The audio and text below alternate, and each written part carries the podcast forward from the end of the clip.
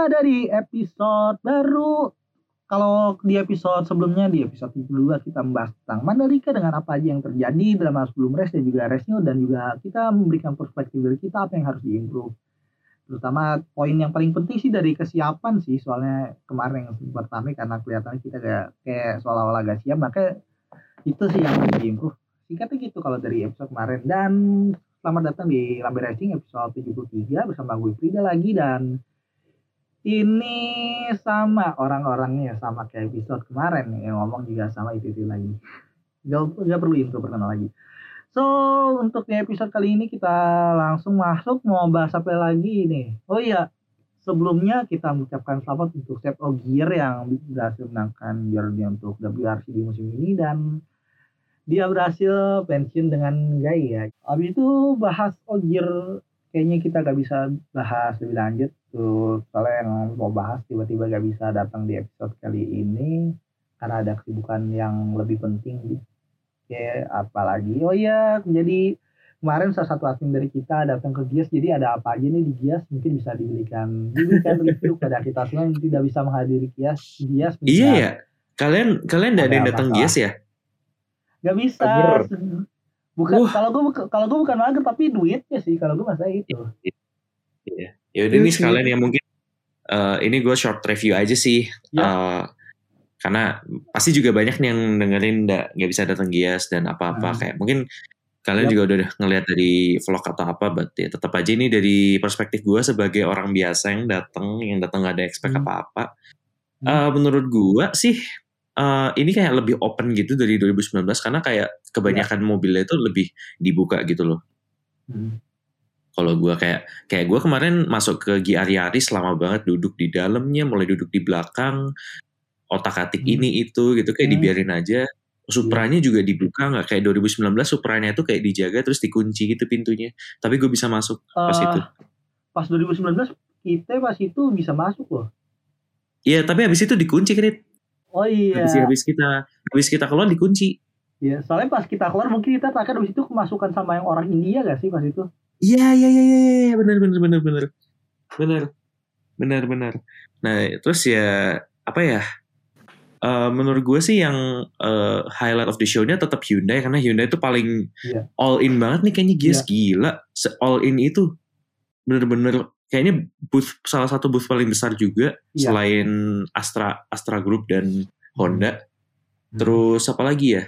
Ya uh, satu drawbacknya yang cukup hmm. gede itu karena Mercedes nggak ikut ya itu sayang banget sih yep. Iya. Mercedes Benz hmm. nggak hmm. ikut karena kan mereka nggak siap katanya hmm. kalau misalkan ikut secara mendadak soalnya kan kayaknya ini hmm. yang gue tangkap uh, memang agak sedikit mendadak gitu sampai ya. akhirnya Mercedes nggak nggak bisa bilang nggak bisa ikut dan mereka akhirnya hmm. fokus di acara-acara lain untuk customer seperti ya. AMG Track Day kayak gitu-gitu. Hmm. Itu aja sih kalau dari total itunya ya ya maybe mungkin karena mobil-mobil sekarang tidak begitu exciting ya.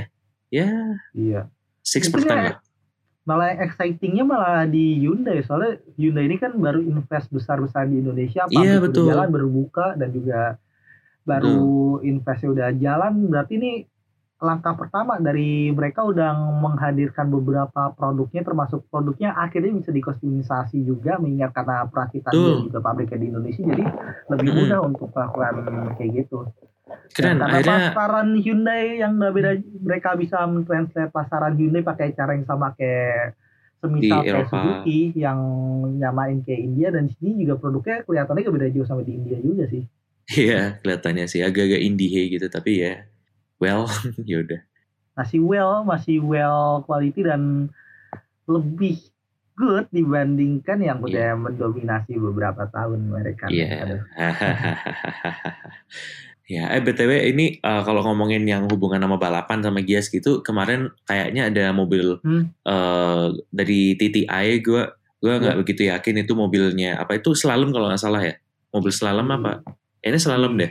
Iya. Mobil ada Alinka, mobil Alinka. Iya, Alinka slalom. Iya, mobil Alinka itu dipajang. Hmm. Terus yang berhubungan sama racing-racing itu, aduh sayang banget Honda nggak bawa mobil F1-nya lagi. Iya. Padahal ini ini benar-benar kesempatan terakhirnya loh Iya. Tahun depan kan mereka udah nggak di F1 lagi. Udah baik, udah baik. Ah, Tempat, tempatan terbaiknya justru ini sih. iya. Mengingat DTS yang lagi naik dan juga Max Verstappen lagi battle for the championship. Iya. Iya, sayang. bener. Eman banget. Kan 2019 kan dia bawa itu ya, dia bawa Toro Rosso Alfa kan. Tauri.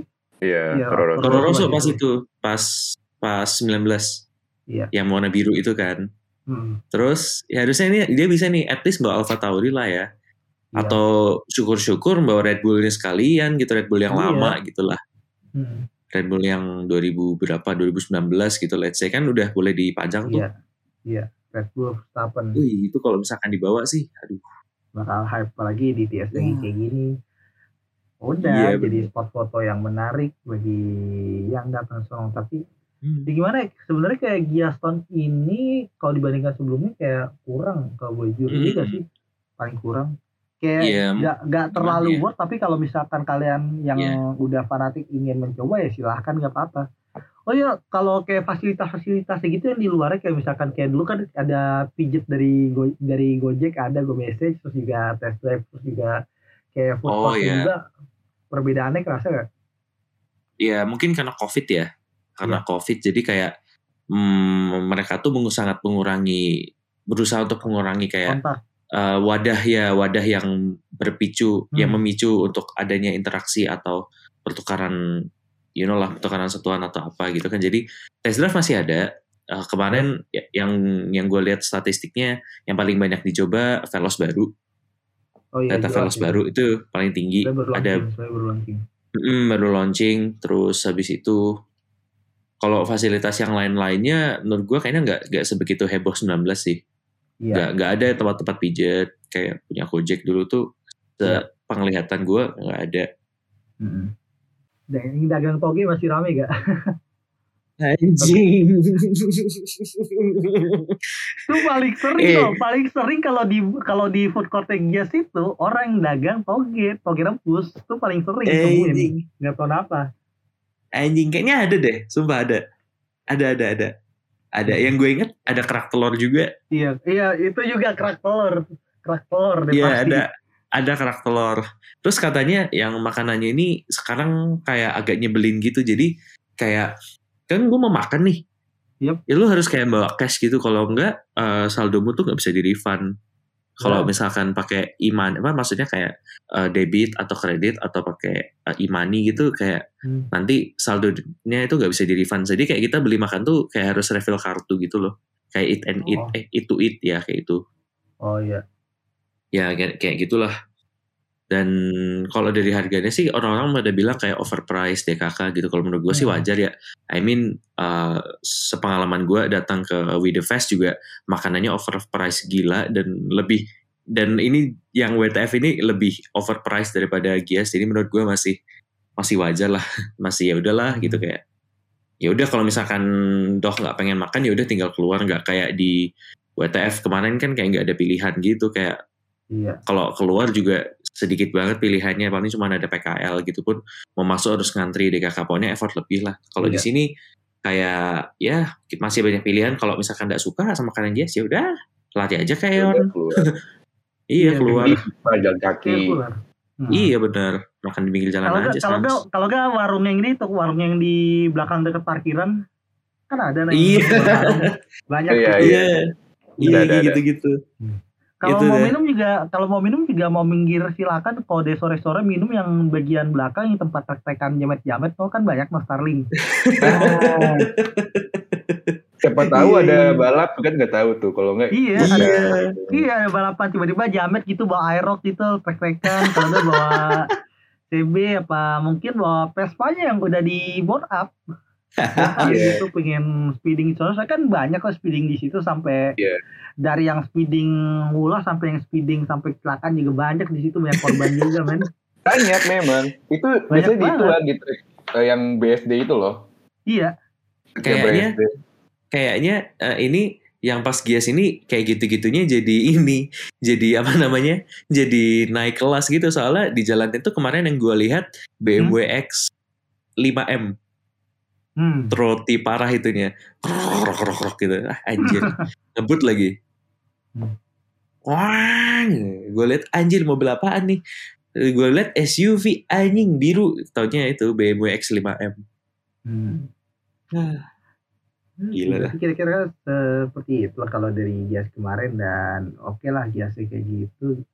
Mungkin nothing special dibandingin kemarin tapi Nothing yang special. bisa dijadiin itu kayak Hyundai sih terutama soalnya karena Hyundai Yeah. yang baru kayak mulai second wave di Indonesia mengingat mereka menginvestasikan dana yang lumayan besar banget di Indonesia untuk Mm. invest di sini dan yang di sini No play-play. buka pabrik baru no play play banget mereka serius untuk di sini di samping emang Hyundai-nya ini emang secara worldwide pun juga mereka serius banget dari pasar Eropa dan juga pasaran Amerika mereka juga udah serius banget dan karena produknya yang berhasil diterima oleh masyarakat baik di luar negeri dan juga di sini pun juga masyarakat nunggu untuk produk-produk dari Hyundai selanjutnya. Menarik untuk dilihat.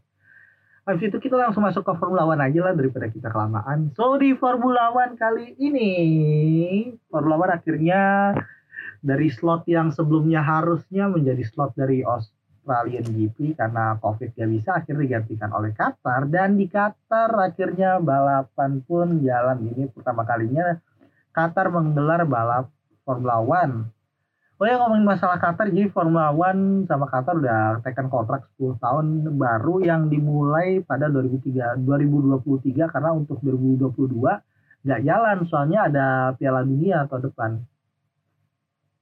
di akhir Oh tahun iya. jadi jadi tahun depan skip dulu Qatarnya kasih jatuh buat yang lain. So di balapan kali ini tentu saja banyak sekali problem-problem yang muncul sebelum balapan dimulai. Karena balapan di sini diprediksi akan menjadi balapan yang biasa aja agak mengarah ke boring karena ya satu-satunya spot overtake ada di straight start and finish dengan lurusannya mencapai satu kilometer lebih 1000 meter lebih lah dengan jarak di RS yang di RS zone-nya sampai 800 meter berarti kan tuh oh gila. opportunity untuk overtake-nya sangat besar. Dan untuk fight pun juga chance-nya agak kurang. Jadi ya udah gampang, gak, walaupun gak separah di Portimao untuk fight-nya tapi di sini tetap aja kayak untuk overtake tinggi banget. Tapi karena tempatnya satu dan juga kayak gak perlu usaha gede banget punya PRS zone yang lumayan panjang jadi potensinya boring dan benar saja di balapannya lumayan boring gak terlalu exciting banget di samping ada drama-drama yang terjadi. Oke itu nanti kita bahas. Dan ini kan juga mengingat layoutnya ini yang lebih cocok ke MotoGP. Makanya ketika kemarin kita ngebahas siapa yang akan menang di Qatar gak ada pilihan yang terbaik kecuali kita menjawab Ducati yang akan menang karena ini spesial MotoGP banget. Ducati pun kalau di sini emang biasa kelihatan OP walaupun nggak selalu menang di sini Habis itu Mm-mm. apa lagi ya? Masalah baru pun muncul bahkan sebelum balapan dimulai karena mengingatnya tracknya track buat MotoGP muncul masalah baru karena kerbnya ini lumayan tajam dan jahat banget men kerbnya korbannya itu udah banyak banget termasuk bahkan Nikita Mazepin pun dia terpaksa gak ikut free practice 2 karena dia udah kena no sasisnya udah kena gara-gara ngehajar kerb lalu juga beberapa driver pun kena.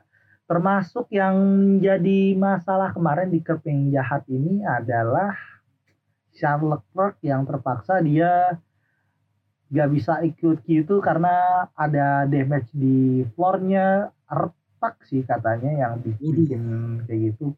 Akhirnya diganti tapi oke. tapi masih bisa karena dia masuki di zona qualification 2 lalu di qualification 3 pun masih ada korban dan ini menjadi awal drama sebelum race. Karena Pierre Gasly di track ini di last percobaan terakhir dia untuk meraih lap time di Qatar kemarin di Los Angeles kemarin. Jadi dia kena habis itu dia pangkir apa gimana? Gue lupa.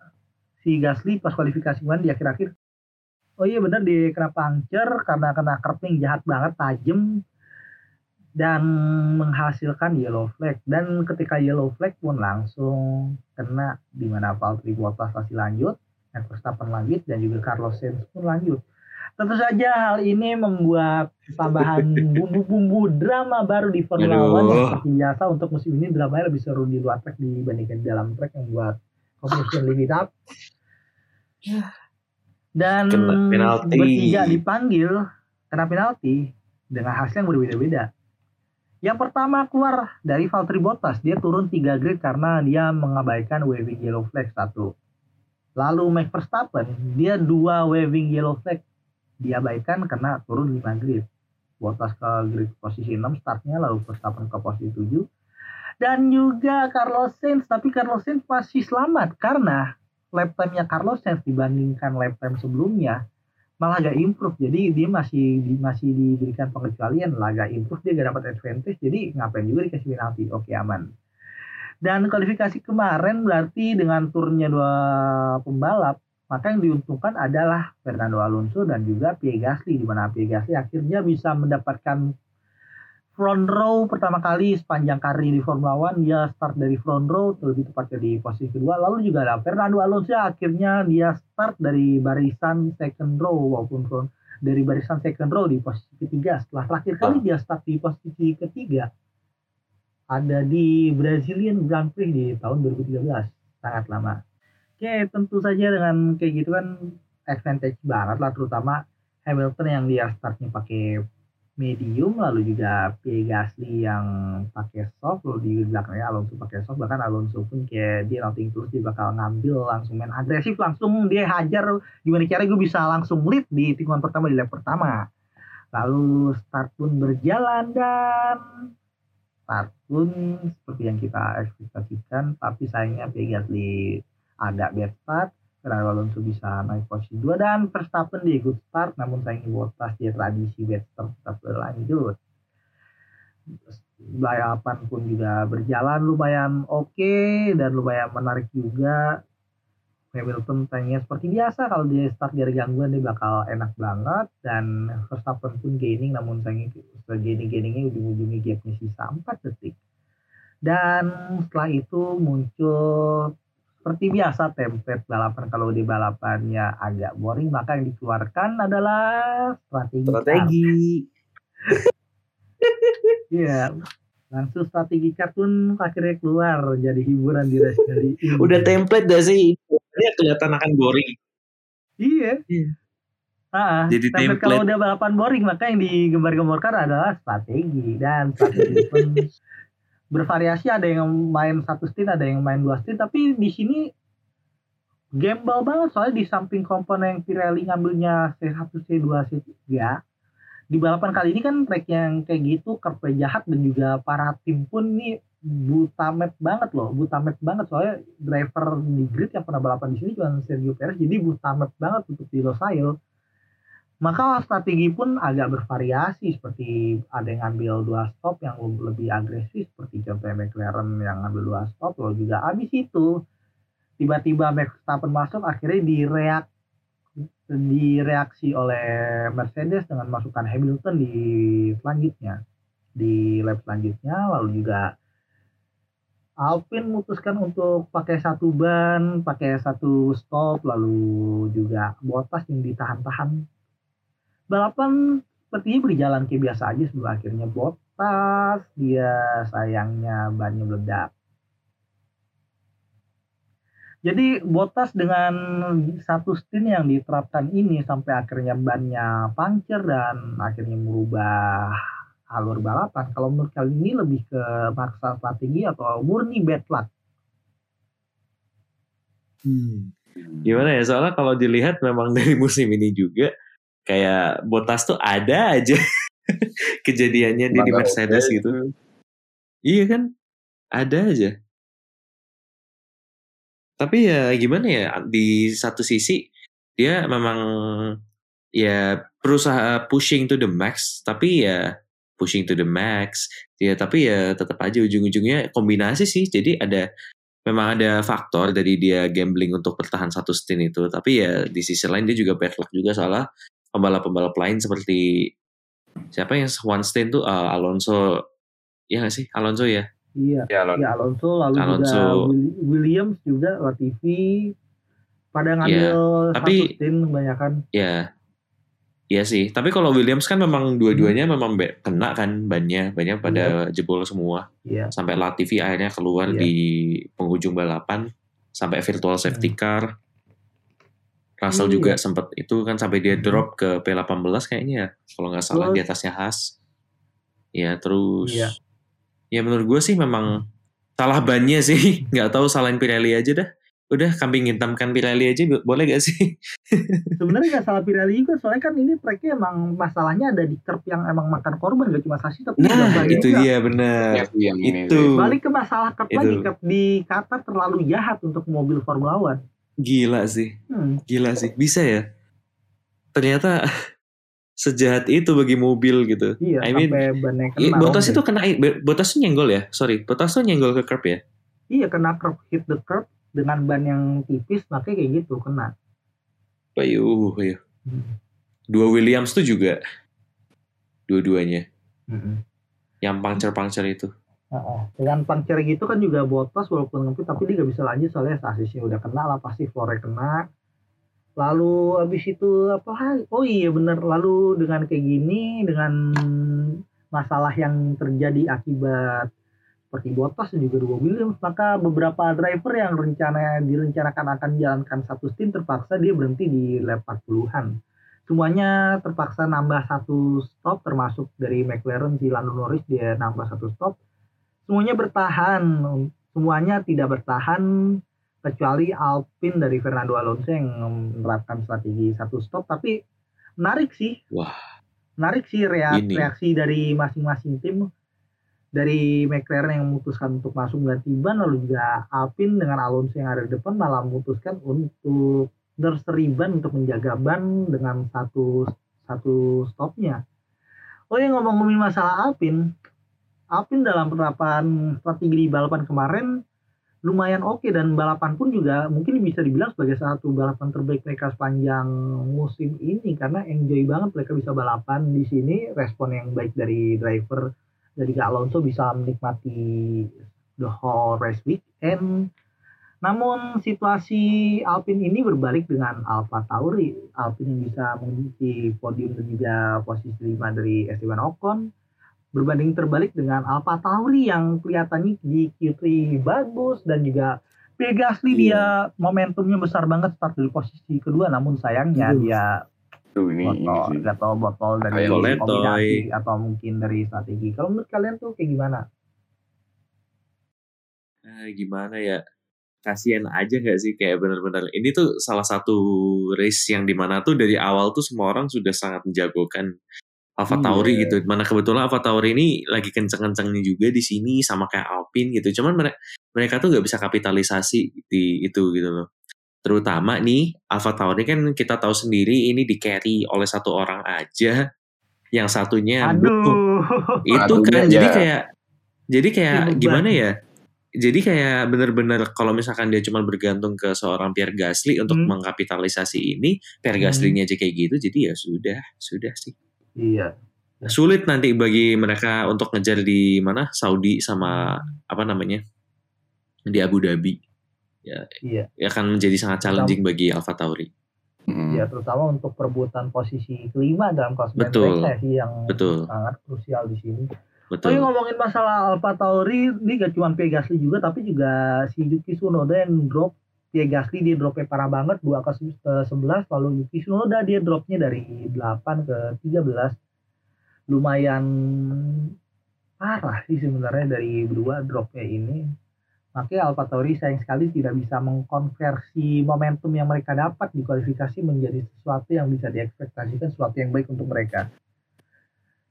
Dan dengan ini berarti secara gak langsung Alpine bisa menambah jarak margin posisi mereka dalam persaingan konstruktor di sini. Lalu gak cuman dari ini juga gak cuman dari Red eh gak cuman dari Alpine bilang bisa menambah jarak poin, tapi juga dari Ferrari yang kebetulan dua-dua driver ini berhasil mendapatkan poin setelah yang cukup lah ya Carlos cukup Iya lumayan setelah Carlos Lumayan Sainz lah. dan juga Charles Leclerc dia finish di posisi 7 dan 8 untuk Charles Leclerc lumayan karena dia terjebak di situ dan ini dia bisa itu bisa gini ke posisi 8 lalu juga Carlos Sainz yang walaupun dia turun start di 5 tapi finish ke 7 tapi dia lumayan cukup bagus juga untuk forma kemarin lumayan konsisten lah gitu penampilannya di balapan Iya. kemarin. di mana di sisi lain McLaren-nya entah malah ke mana. drop. Iya, Iya, malah drop. McLarennya hilang. Hmm. Norris cuma dapat P9 ya kalau nggak salah ya. Iya, dia dia dapat P9 karena salah satu alasannya itu walaupun sempat battle di posisi di antara Fernando di belakangnya Alonso dan di depannya Esteban Ocon karena masalah yang tadi yang satu spin tadi masa satu stop akhirnya dia terpaksa pit di menit 40-an gara-gara akhirnya dia pakai untuk ganti ban karena dia gak mau berakhir di NF gak mau kehilangan poin akhirnya memilih untuk bermain lebih aman Iya. dan juga dengan lebarnya poin maka kayaknya gua jadi agak pesimis sih kalau McLaren bakal dapet posisi tiga di konstruktor kelas Susah, susah. Angel Pak, angel. terutama juga tipikal tracknya ini yang bukan track yang menguntungkan untuk McLaren sih untuk di sisa balapan lagi dengan dua sisa balapan terakhir kan tracknya kalau dibandingkan mereka berdua di antara Ferrari dan juga McLaren maka yang diunggulkan mungkin Ferrari jauh bisa diunggulkan dan juga mungkin ini memvalidkan istilah kalau Ferrari ini adalah tim yang tiba-tiba mereka malah jadi tim paling underrated di musim ini Iya, makin mengukuhkan itu, makin mengukuhkan Iya. fakta itu. Hmm. Semakin terlihat terpampang nyata, anjay. Anjir. ngomong nyata dong. Oke, habis itu kita udah bahas itu sedikit. Lalu kita bahas ke oh iya dan di race kemarin di balapan kemarin yang dimenangkan oleh Wilton tanpa perlu susah payah. Enak banget bahkan menurut Bono lebih mudah daripada yang diekspektasikan balapan kemarin bisa menang tanpa ada hambatan di balapan kemarin.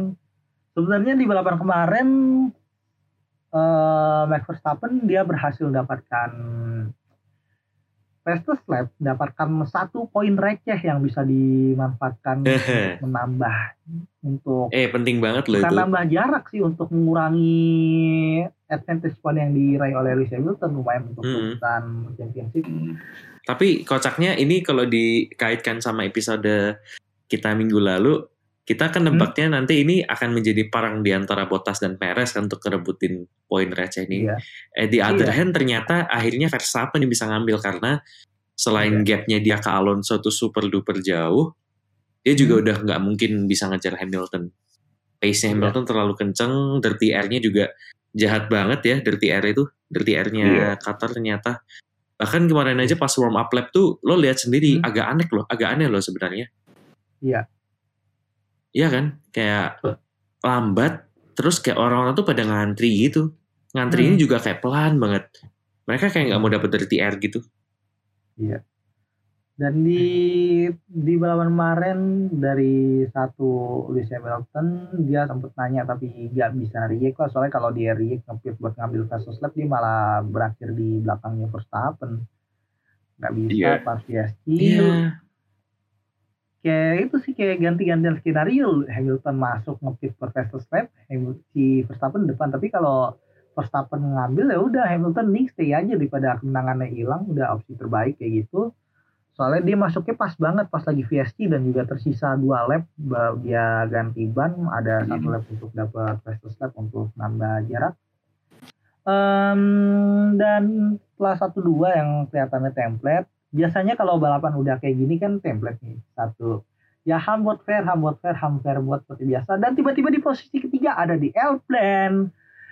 Fernando Alonso yang untuk kedua kalinya di musim ini bukan kedua kalinya sih sebenarnya udah berkali-kali dia mencuri perhatian dan untuk kedua kali dia mendapatkan spotlight besar di musim ini setelah kemarin sebelumnya dia menangkan pertarungan dengan Hamilton sebenarnya dia menangkan tapi dia malah kayak gimana berperan besar dalam kemenangan Esteban Ocon dan di race kali ini Fernando Alonso akhirnya berhasil meraih podium pertamanya setelah tujuh tahun lebih terakhir kali di Hungarian 2014 bersama Ferrari dengan peraihan podium ini di samping forma yang baik dari Alpine dan juga Fernando Alonso kalau menurut kalian forma Alonso kemarin di balapan kemarin kayak gimana? We believe in L plan.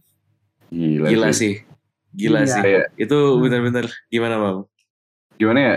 Karena awalnya kan gue bilang kayak ah ini kayaknya nggak mungkin ya. Kemungkinan bakal Perez kan. Terus ternyata Iya.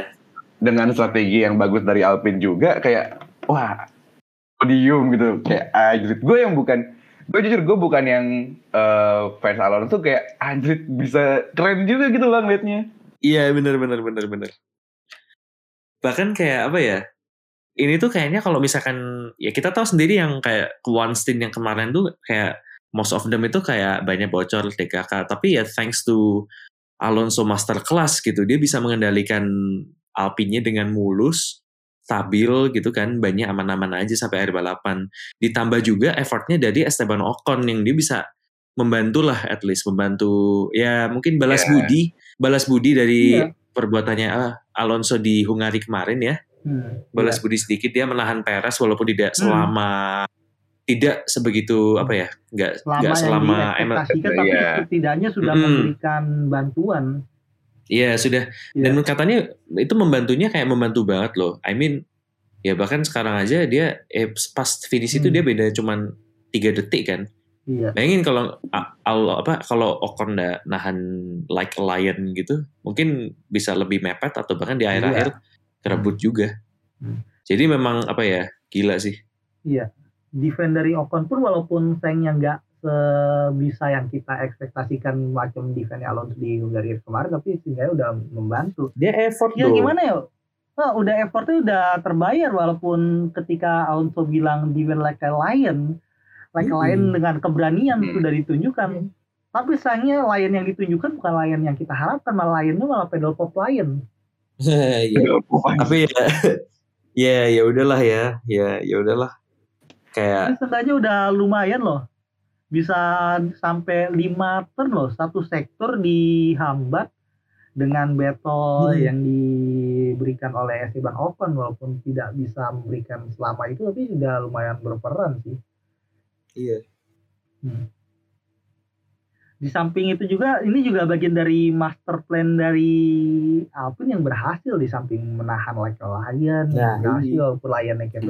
tapi juga dari Alpine yang dia menahan satu stint dan juga performa Alonso yang emang another level itu de beda level dan Gila juga sih. udah di approve juga karena dia jadi driver yang bisa menumbangkan dominasi Schumacher di musim 2005 Iya. emang udah another level sejak dulu bersama bersama Kimi Raikkonen dan pengalaman memang bermain di sini di sini karena perin- perintah dari Alpine pun dia bilang eh engineer-nya engineer bilang kalau Alonso untuk sedikit lebih menjauh dari curb soalnya curb yang jahat dan juga banyak kejadian-kejadian yang tidak diinginkan kemarin terutama ban puncture karena curb yang jahat. Maka gak ada pilihan lain kecuali untuk gak terlalu sering menyentuh curb agak ngejauh dan kemarin pun terlihat mainnya rapi rapi dan gak nginjek curb kayak gak nginjek curb Iya. itu ngejauhin banget meminimalisir kontak dengan curb sebisa mungkin dan benar aja Alonso bisa ngejaga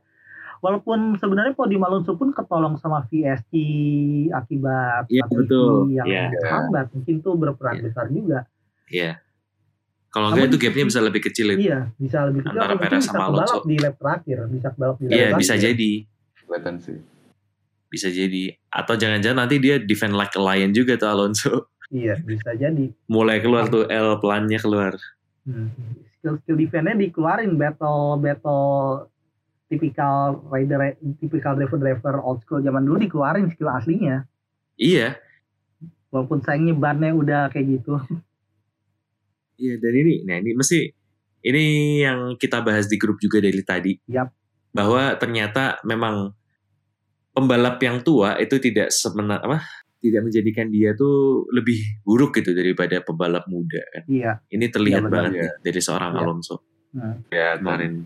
masih dalam beberapa tahun terakhir ini kan kita udah menikmati istilah-istilah sebenarnya bukan istilah tapi kayak semacam code gitu yang muncul Narasi-narasi. seperti younger is better Yes, dengan narasi-narasi membawa driver potensial driver potensial betul. gue bingung sama orang-orang kayak gitu mereka mengatakan hal yang sama selama 5, 6, 7 tahun belakangan tapi driver-driver yang mereka bawa mana yang sukses mana yang even mencapai potensi yang mereka sampaikan yang mereka narasikan hitungan Betul, jari nggak ada dua Dikit, tiga doang mungkin Dikit, dikit banget. banget dikit Dikit. Paling Verstappen gitu-gitu. iya seperti Verstappen Leclerc Iya, Pegasly paling pun gitu-gitu. naik turun walaupun sukses tapi dia Iya. naik turun prestasinya Pegasly. Dan kita nggak bisa bohong soalnya Pegasly ketika dapatkan spotlight besar di Red Bull pun dia gagal di Iya. samping for di samping emang dengan narasi-narasi pressure pressure segala macem ya kita gak bisa bohong kalau Gasly emang flop karena dia gak bisa nyetel sama Red Betul. Bull juga formanya pun Iya. malu-maluin pasti Red Bull Iya. lalu banyak juga seperti Antonio Giovinazzi yang nggak nggak bisa berbicara lebih banyak karena dia juga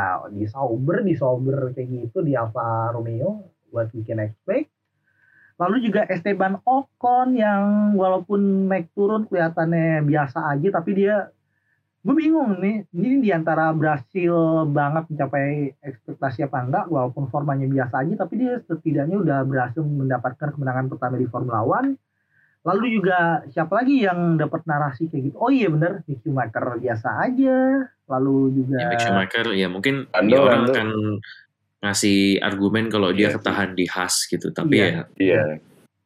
ya ya still tetap aja dia masih he still has a lot to prove Hmm, masih ada waktu. Lalu juga jangan Hmm. lupa teammate-nya Pierre Gasly, Yuki Tsunoda yang tiba-tiba Nah di ini sih. perbalap pertama menjadi sensasi, Aduh. tapi sayangnya sekarang di sisa musim berjalan menjadi beban.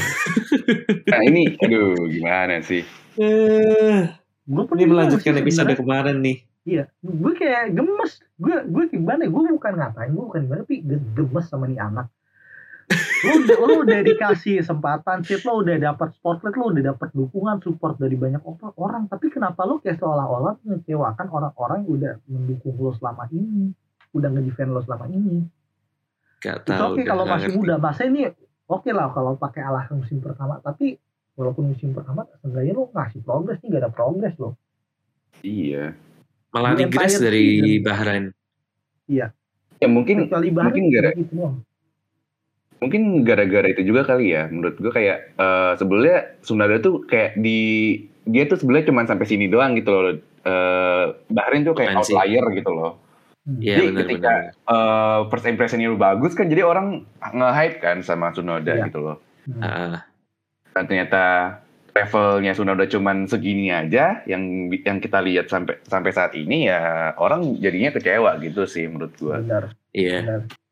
Beberapa ada yang Nah, suka mas- tapi beberapa ada yang kecewa juga soalnya malah keadaan di Alfa Tauri yang lagi kayak gini dengan mesin Honda yang kelihatannya bagus orang pasti ekspektasi tinggi kan tapi kenapa kenyataannya malah gas yang bagus tapi Yuki Tsunoda malah jadi beban negara Iya, begitu. oh gitu liatnya Iya, kayak eman-eman aja gitu. I mean, Hmm. sebenarnya potensinya Alfa Tauri itu kelihatan dari performanya seorang Pierre Gasly.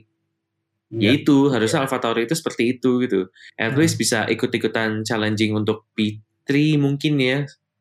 Harusnya kalau harusnya kalau nggak ada banyak bad luck dan nggak di carry satu orang atau nggak ada beban negara gitu atau mungkin bisa lebih strong untuk mempertahankan posisinya di P, P ya P5 gitu Iya, benar. harusnya tapi ya ya seperti yang terlihat ini Hmm. agak Nah, sulit Hmm. Nah, Alpine yang kelihatan nih ngomongnya dia fokus ke musim depan, gak terlalu fokus musim ini malah, pro- malah progres, tapi Alfa Tauri Mm-mm. kayak gitu.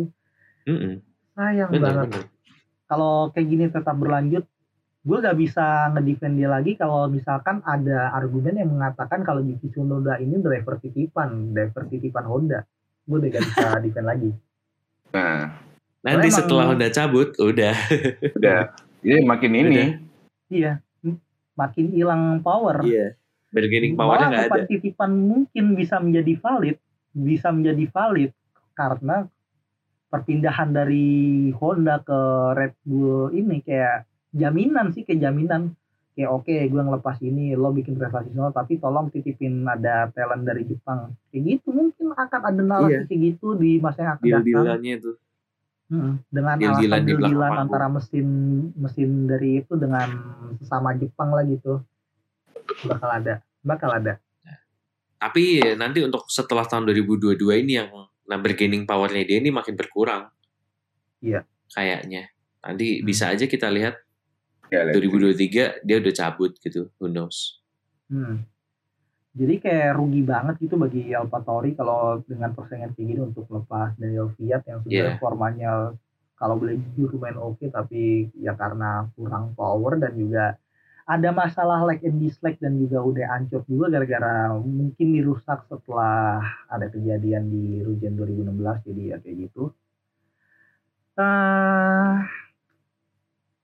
ya kita tunggu aja lah untuk formanya semoga jauh lebih baik karena kita udah ekspektasi gede loh di awal musim. Udah ekspektasi Iya, besar benar. banget tuh Yuki Tsunoda gimana Betul. tuh aduh Nah, udahlah. Salah satu bukti kalau culture younger is better is shit. Makin hari semakin valid. Dan itu akan jadi bahasan yang panjang atau mungkin bisa kita bahas di akhir di off season nanti untuk bahasan kayak gini. Karena ini bahasannya udah panjang banget pasti kalau udah nyangkut masalah culture younger is better is shit. Sorry kalau misalkan kita berbeda karena kita hanya berbicara dengan fakta lapangan yang ada. Ya kayak gitu deh. Oke, habis itu kita masuk ke mungkin bahasan terakhir sebenarnya gak ada itu. Mungkin kalau dari progres di Saudi Arabia mereka udah berhasil membangun track dengan progres 90% dengan sisa waktu yang sangat mepet. Tentu saja mereka all out dengan persediaan resource. Deadliner. dengan resource yang sangat melimpah terutama resource uang maka kita gak kaget kalau misalkan berhasil dikebut kayak gitu dengan progres yang sangat cepat maka mungkin bisa dipastikan per hari H track udah siap pun hal yang possible kalau lihat keadaan track kita sekarang. Dan di samping kita bahas track sampai katanya ada yang compare sama Mandalika tuh deh tidak urusan Tentu saja dengan kemenangan Hamilton kemarin, walaupun gapnya berkurang tidak terlalu signifikan, kurang 5 poin, maka dengan hasil tersebut pertarungan title masih berjalan dengan Verstappen dan juga Hamilton yang jaraknya ini tipis, Makin tipis, makin tipis. 8 poin, 8 poin men jaraknya sekarang. Iya. Iya. Nah, ini yang menarik, ini yang menarik kalau misalkan kalau misalkan apa namanya? Besok di Saudi Hamilton menang dan Verstappen P2, poinnya sama menuju ke Iya. Abu Dhabi. Iya. Gila. Bayangin Bakal lo datang Dhabi. gini gini. Bayangin lo datang eh, ke weekendnya Abu Dhabi, ada yang ngerebutin gelar, poinnya sama. Anjir, Aduh, tuh kayak aduh. Iya. deg-degan nonton tuh udah deg-degan karena memang apa pun hasilnya itu akan mempengaruhi sih. Iya. Apa pun hasilnya di Abu Dhabi itu akan mempengaruhi. Iya. Tapi gak tahu tergantung kalau misalkan dua-duanya DNF gitu kayaknya hmm, Hmm. agak Tidak agak ribet nggak sih kalau misalkan poin sama gitu? Kayak ngukurnya harus dari jumlah menang DSB DSB. Iya. Iya, tapi kalau dari jumlah menang pun sebenarnya yang dapat malah Verstappen loh. Waduh, interesting. Dan apa di besok nanti di Saudi nih Verstappen bisa aja kalau mengunci kalau dia mau mengunci gelar. Tapi syaratnya syaratnya Hamilton at least ya harus ada di bawah posisi 5 alias di kalau misalkan nih Max menang nih menang dengan FL gitu. Lewis P6. Kalau cuma menang Lewis harus P7. Kalau Lewi- eh, kalau Max enggak Max juara 2 eh, Lewis harus cuma dapat satu poin doang alias P10 atau nggak dapat poin samsek. Jadi ya tetap Iya. aja agak agak susah sebenarnya Hmm. di mana dilihat ini Mercedes bakal all all out juga di Saudi ya katanya mau pakai mesin yang dipakai di Brazil nggak sih? Iya, Nah, iya. itu dia. gitu.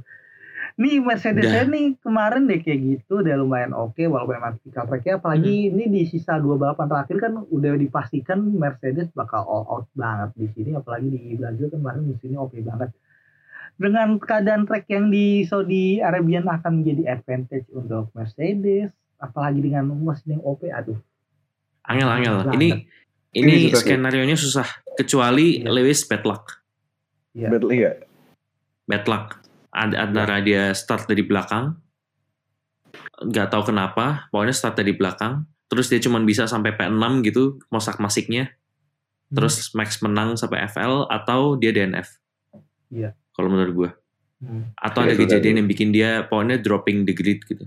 Soalnya kita Iya. tahu sendiri Mosak Pasik, tapi itu susah juga soalnya kita tahu sendiri Mosak Pasiknya Hamilton tuh lebih jago daripada supir-supir lebih Pantura. Ya kita lihat kita tahu sendiri lah dari berbagai macam kejadian yang pernah kejadian di dulu yang kalau paling dekat ini ya balapan minggu lalu di Brazil itu. Mosak Pasiknya men kacau kacau kayak Lightning McQueen kacau. kayak hidup ya anjing Iya. kayak hidup gue juga nih kacau. ya gue juga Ah, kalau masak-masak kayaknya satu yang bisa ngalahin cuman sopir bis sumber selamat apa sumber kencono lah yang lebih Aduh. tepatnya. Iya. Atau, mung- atau mungkin kalau yang di arah Jawa Timur yang dekat daerah gue mungkin bis Mira sih. Itu gila. Anjing. Eh betul, cakep. Mira bener. tuh. Gila sih Mira. Aduh. Kacau. Ampun. Ampun. Soalnya gue pernah naik Ya. motor jalur kiri aja gue diklaksonin tiba-tiba dia nyari nyalipnya dari kiri men nyalip dari kiri kayak mau jalan gitu terus. Tuh, sampai lanjut padahal depannya hitungan 200 meter tuh jembatan loh dia tetap nyalip dari jalur kiri anjir itu emang gila sih tuh. Anjing. the power of Fakta gila juga. emang gila mungkin itu satu yang bisa ngalahin masa mati kayak Hamilton sih walaupun di samping Iya. ya istilah narasi-narasi better car ya mau gimana pun better car ada benernya masa lo mau masak masih pakai mobil khas ya gak akan bisa lah Iya benar.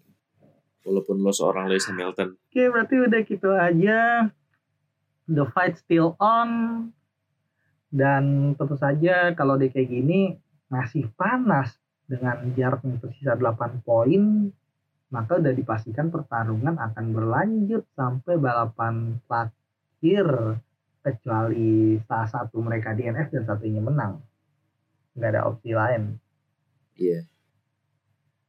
Dan itu memang harus kejadian yang sangat sangat sangat sangat sangat unik dan sangat sangat apa ya? Pokoknya susah lah, angel-angel. Kalau semuanya all goes well, menurut gue tetap masih berlanjut di Abu Dhabi. Iya. Selama tidak ada kejadian aneh-aneh berarti udah fight still on sampai Abu Dhabi dan Abu Dhabi pun kita bisa berekspektasi lebih karena tracknya udah di reprofile maka pertarungan perang title akan menjadi sesuatu yang akhirnya ditunggu-tunggu setelah lima tahun lamanya kita nunggu gak ada perang title kayak gini dan terakhir kali perang title satu balapan terakhir yang menang adalah Nico Rosberg. Apakah Max Verstappen akan menangkannya? Atau mungkin Lewis Hamilton akan mengulang kejadian yang sama seperti di 2008 atau mungkin 2014 so kita tunggu di akhir musim nanti. Dan balapan Abu Dhabi, Abu Dhabi yang masih terhitung jarak tiga minggu akan menjadi penentu dan untuk sebelum mencapai Abu Dhabi kita akan menghadapi balapan di Saudi Arabian. Track baru yang bentukannya kayak peju. Iya. track layout sperma lah lebih tepatnya.